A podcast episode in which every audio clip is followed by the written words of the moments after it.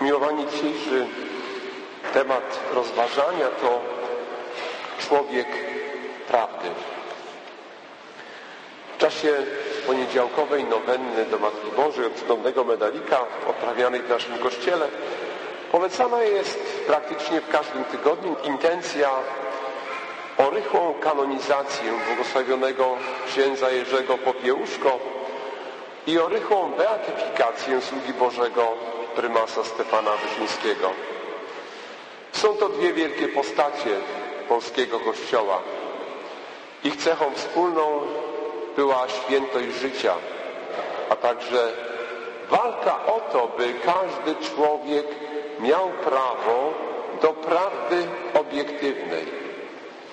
Obaj kapłani żyli w czasach, gdy w Polsce nie wolno było mówić całej prawdy, gdy nie wolno było żyć według prawdy.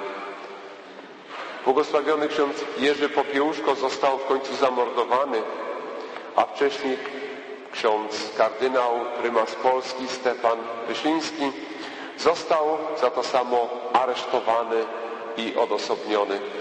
Cierpieli obaj, gdyż domagali się, aby Boża prawda mogła zaistnieć w życiu każdego człowieka, aby każdy człowiek miał prawo do mówienia prawdy, do wolności słowa, do wyznawania Boga jako źródła prawdy.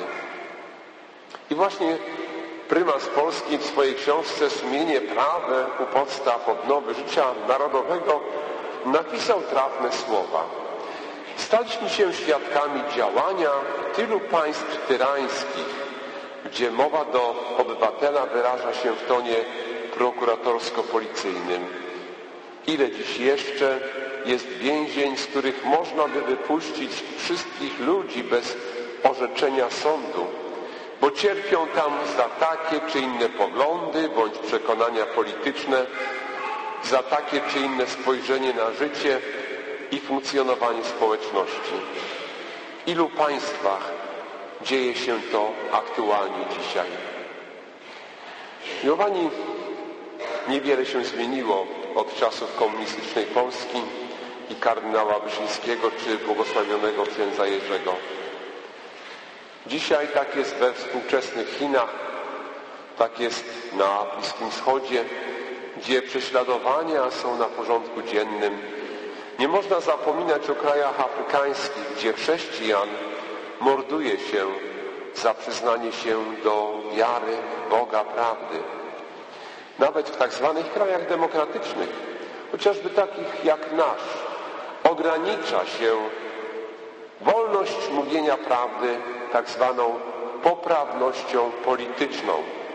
Co prawda jeszcze nie wsadzają nas masowo do więzienia za stawanie po stronie prawdy. Ale gdy bronimy prawdy o życiu, na przykład stajemy przed klinikami aborcyjnymi w modlitewnej postawie, to dokonywane są aresztowania, to dokonywane są przepędzenia. W tym demokratycznym kraju katolicy często są zastraszani karami, gdy nawiązują i mówią o tradycyjnym modelu rodziny. Ojciec, matka, dzieci. Nasza prawda, którą wyznajemy z wiarą, jest ignorowana i nakazuje się nam zapomnieć o Bożych nakazach w imię postępu i nowoczesności, jak chociażby w przypadku antykoncepcji. I tak dalej. Przykładów można by było mnożyć. Historia ludzkiego cierpienia za prawdę obiektywną powtarza się od tysięcy lat. Zaświadczenie o prawdzie ludzie albo cierpieli, albo oddawali swoje życie, żeby potomni mogli poczuć się wolnymi w duchu. Oczywiście byli tacy, co się zaprzedawali.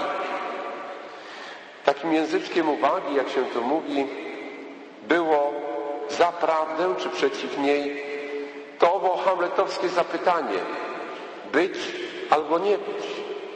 Albo też troszeczkę zaktualizowane na dzisiaj mieć albo nie mieć. Miłowani tak było i za czasów Jezusa Chrystusa. Możemy zamknąć na chwilę oczy, aby się przenieść wyobraźni i sercami do tamtych dni, aby się spotkać z Jezusem Chrystusem, człowiekiem prawdy. Właśnie jesteśmy na dziedzińcu pałacu arcykapłana. Odbywa się sąd ludzi nad Bogiem. Dookoła mnóstwo ludzi, wśród nich są kapłani żydowscy, jest starszyzna izraelska, jest dużo służących ze świątyni, jest straż przyboczna. I w tym tłumie jest dla nas osoba najważniejsza. Jezus Chrystus, człowiek prawdy.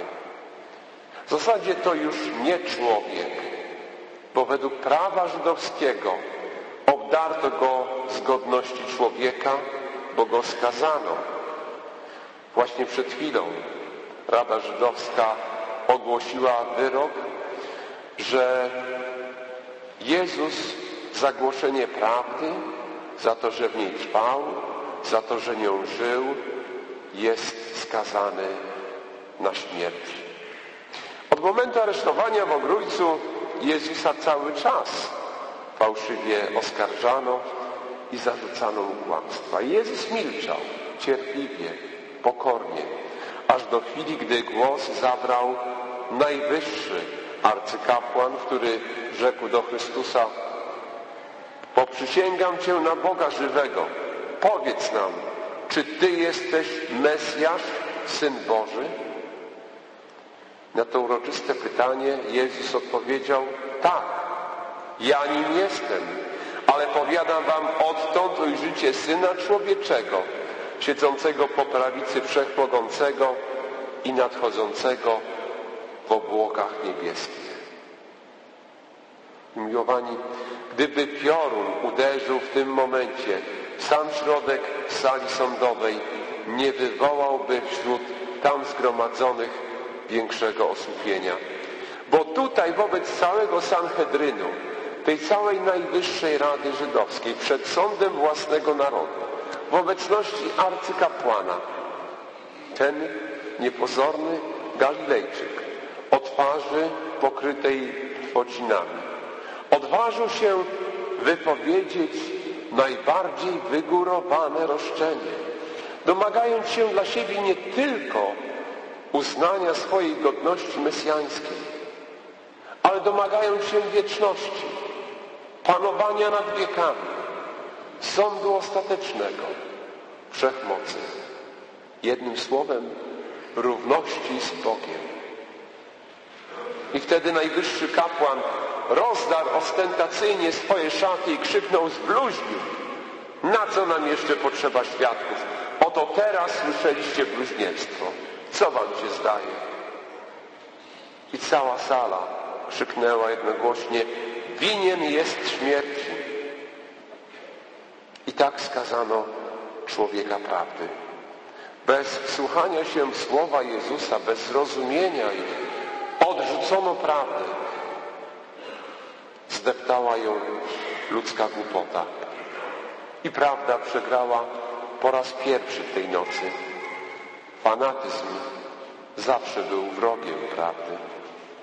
I po tym wydaniu wyroku, miłowani starszyzna Izraela postanowiła podstępem oczyścić sumienie swoje z tej krwi niewinnego człowieka. Weźmy Jezusa do Piłata, niech on wyda wyrok. Zawyrokowali i tak zrobili. Kim był Piłat, to wiemy, ale dla przypomnienia jest to postać historyczna, poświadczona przez pisarzy i historyków rzymskich, Tacyta, Filona, Józefa Flawiusza. W latach 26-36 po Chrystusie zajmował on stanowisko prokuratora, czyli namiestnika, czyli rządzącego Judeą z ramienia cesarza Tyberiusza. Filon przekazał nam pismo króla Heroda Grypy do cesarza Kaliguli, które charakteryzowało Piłata jako człowieka twardego, przekupnego, gwałtownego, dumnego, który gardził innymi ludźmi, który lubował się w okrucieństwach i co więcej, nie, nie cierpiał Żydów, nie miał dla nich ani zrozumienia, ani sympatii. Wynosił się ponad nich, to oczywiste, i udawał, że współpracuje z nimi, bo nie chciał utracić stanowiska, bo wiedział doskonale, na co stać starszyznę żydowską, gdy się ktoś im faktycznie sprzeciwi. I gdy orszak starszyzny i Jezusa dotarł do pałacu Piłata, to był trochę zaskoczony tą późną, niewłaściwą porą, ale znów, aby uniknąć otwartego konfliktu z Żydami, z Radą starszych, z arcykapłanem, wyszedł do nich. W ten sposób postawiono Jezusa przed Piłatem. Kapłani wiedzieli, że jeżeli podadzą prawdziwy powód oskarżenia Jezusa, to Piłat ich po prostu wyśmieje. Dlatego zaczęli twierdzić, że ten człowiek podburza naród, że ten człowiek jest przeciw Cezarowi, że odwodzi od płacenia podatków, że siebie uważa za Mesjasza, czyli za króla, za tego, który ma władzę. Wiedzieli, że Piłat jest czuły na tym punkcie. Nikczemnie dodali przy tym, że sami by sobie poradzili z nim, ale im nie wolno nikogo zabijać. Kolejne wierutne kłamstwo, gdyż codziennie Rada Starszych wskazywała kogoś na śmierć przez ukamienowanie. Mówili to jednak z premedytacją. Chcieli jeszcze bardziej zranić Jezusa. Dla nich śmierć ukamienowana była zbyt delikatna dla bluźniercy. Chcieli ukrzyżowania. Takiej śmierci, jaką Rzymianie mieli i stosowali wobec najgorszych złoczyńców. Miłowani, Piłat szybko odkrył, że zarzuty kapłanów są fałszywe, że są dalekie od prawdy, która tej nocy przegrywa po raz drugi.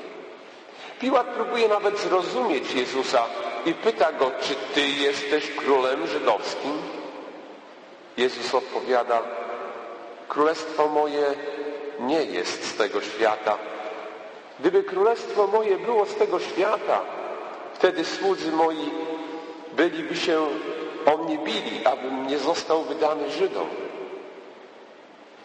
Skąd zatem jesteś? Pyta Piłat. Jezus milczy. Więc Piłat kontynuuje i zagaduje, nie chcesz mówić ze mną? Czy wiesz, że mam władzę Cię uwolnić i że mam władzę Ciebie ukrzyżować? I wtedy Jezus stanowczo odpowiada, nie miałbyś żadnej władzy nade mną, gdyby nie dano Ci jej z góry. Oto obraz sądu człowieka nad Bogiem. Chrystus wiernie stoi przy prawdzie. Jest wierny woli Ojca Niebieskiego. Mógł się wycofać i teraz, i tam, na dworze arcykapłana i w pałacu Piłata. Mógł skłamać, mógł powiedzieć, że udawał, że to była tylko gra polityczna, że on jest nikim. Mógł się wyłgać od śmierci. A jednak Chrystus stoi przy prawdzie, aby spełniła się wola Boga, aby spełniły się Jego słowa, aby spełniły się przepowiednie proroków. Chrystus trwa przy prawdzie dla naszego zbawienia. I jaką decyzję podejmie Piłat? Dobrze widzi niewinność Jezusa. Jego sumienie jeszcze działa. Dodatkowo poruszyła je jego żona, która wspomniała mu, że miała dziwny sen o tym człowieku, o tym Mesjaszu. Dlatego Piłat próbuje uwolnić Jezusa i dokonuje chytrego manewru. Wyprowadza go na dziedziniec, stawia ramię w ramię z Barabaszem, okropnym bandytą i mordercą. I jest przekonany, że to przekona tłum do Jezusa i stanowczo pyta, którego z nich mam uwolnić? Ale Rada Starszych znów podjudza zgromadzony tłum. Krzyczcie Barabasza. Ludzie są trochę zdziwieni. zaskoczeni. Jak to? Tego bandytę? Ale powoli zaczynają skandować głośniej i głośniej Barabasza! Barabasza! Piłatowi drżą ręce, serce łomocze. Co wybrać? Prawdę czy fałsz? Wtedy jak gdyby dokładając kamyk na tej szali wagi dobra i zła, starszyzna izraelska wyciąga największy atut z rękawa. Oskarżymy Cię przed Cezarem o zdradę, jeżeli nie postąpisz tak, jak my chcemy. I wtedy Piłat zadrżał na dobre. Miał dobre życie, miał dostatek, był kimś, a jak faktycznie doniosą na niego, pomyślał, straci wszystko. Czy warto ryzykować dla jakiegoś Jezusa? I choć chciał działać zgodnie z prawdą i sumieniem, przestraszył się o swoje być i mieć. Piłat wierzy w prawdę. Jeszcze. Bo wyprowadza Jezusa ponownie na dziedziniec, stawia przed tłum i mówi ekce homo. Oto człowiek. Powiedział człowiek, nieskazany. Wiedział, że Chrystus to człowiek prawdy. Ale na więcej Piłata nie stać. Na oczach wszystkich obmywa ręce. Krew tego niewinnego człowieka niech spocznie na wasze ręce. Moje są czyste, mówi tym prostym, lecz znaczącym gestem. Wtedy mieć i być bierze górę. Prawda już się nie liczy. Obiektywna prawda zostaje pogwałcona, staje się nieważna. Ważna jest sytuacja, w której Piłat myśli o swojej skórze, aniżeli o życiu Jezusa, człowieka prawdy. Wydaje go na ubiczowanie i ukrzyżowanie. Prawda przegrywa tej nocy po raz trzeci. Miłowani, walka między prawdą a fałszem powtarza się w życiu każdego z nas. My wszyscy walczymy o nasze być i mieć. Często niestety podobnie jesteśmy do kameleona, który zmienia kolor skóry w zależności od sytuacji. Naciągamy prawdę, kłamiemy, bo nam tak wygodniej. Tłumaczymy, że to dla naszego dobra.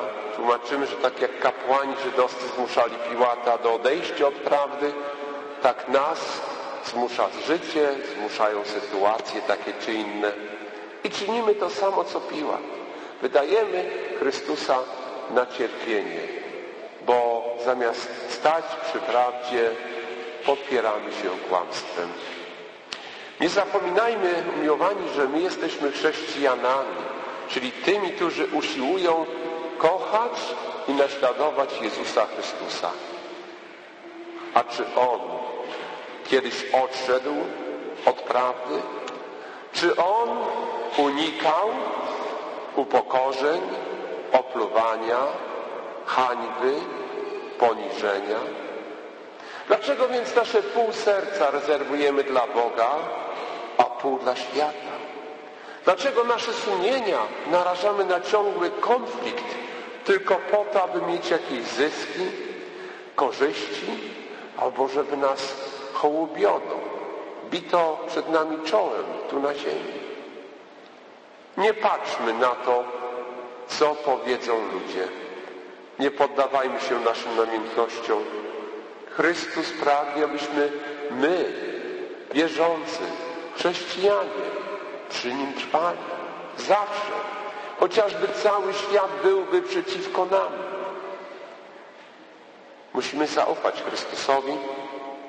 Musimy wzmacniać się sakramentami. Musimy opowiadać się za Bogiem i prawdą oraz podejmować takie decyzje w imię prawdy, aby zasłużyć na życie wieczne. Miłowani świat od starożytnych czasów nurza się w oceanie kłamstw dla swoich celów. Zostawmy kłamanie tym, którzy kłamią, którzy pragną to robić, by być i mieć. To ich sprawa. My starajmy się żyć w prawdzie. Starajmy się w prawdzie Boga szukać swojej siły. Bo jak mówi Chrystus, człowiek prawdy, Ewangelii świętego Jana, prawda was wyzwoli. Amen. Jezu, daj nam swoją łaskę i moc, abyśmy nie byli czu, abyśmy nie byli zimni, abyśmy nie byli nieczuli, obojętni na Twe cierpienie. Spraw, abyśmy umieli to cierpienie przeżywać razem z Tobą, trwając przy Tobie w wiernym wypełnianiu Bożych przykazań, czy też adorując Cię częściej w Najświętszym Sakramencie. Otwórz nasze dusze, abyśmy gorliwiej modlili się z Tobą do Twojego Ojca w niebie. Nie chcemy, byś się czuł opuszczony przez nas. Dlatego przyrzekamy dołożyć więcej wysiłku do trwania przy Tobie, w tym zjednoczeniu dla zbawienia dusz ludzkich. Pozwól nam zawsze powtarzać te piękne słowa, któreś Ty w największym swoim osamotnieniu umiał wypowiedzieć. Ojcze mój, jeżeli nie może minąć mnie ten kielich i muszę go wypić, niech stanie się wola Twoja. Amen.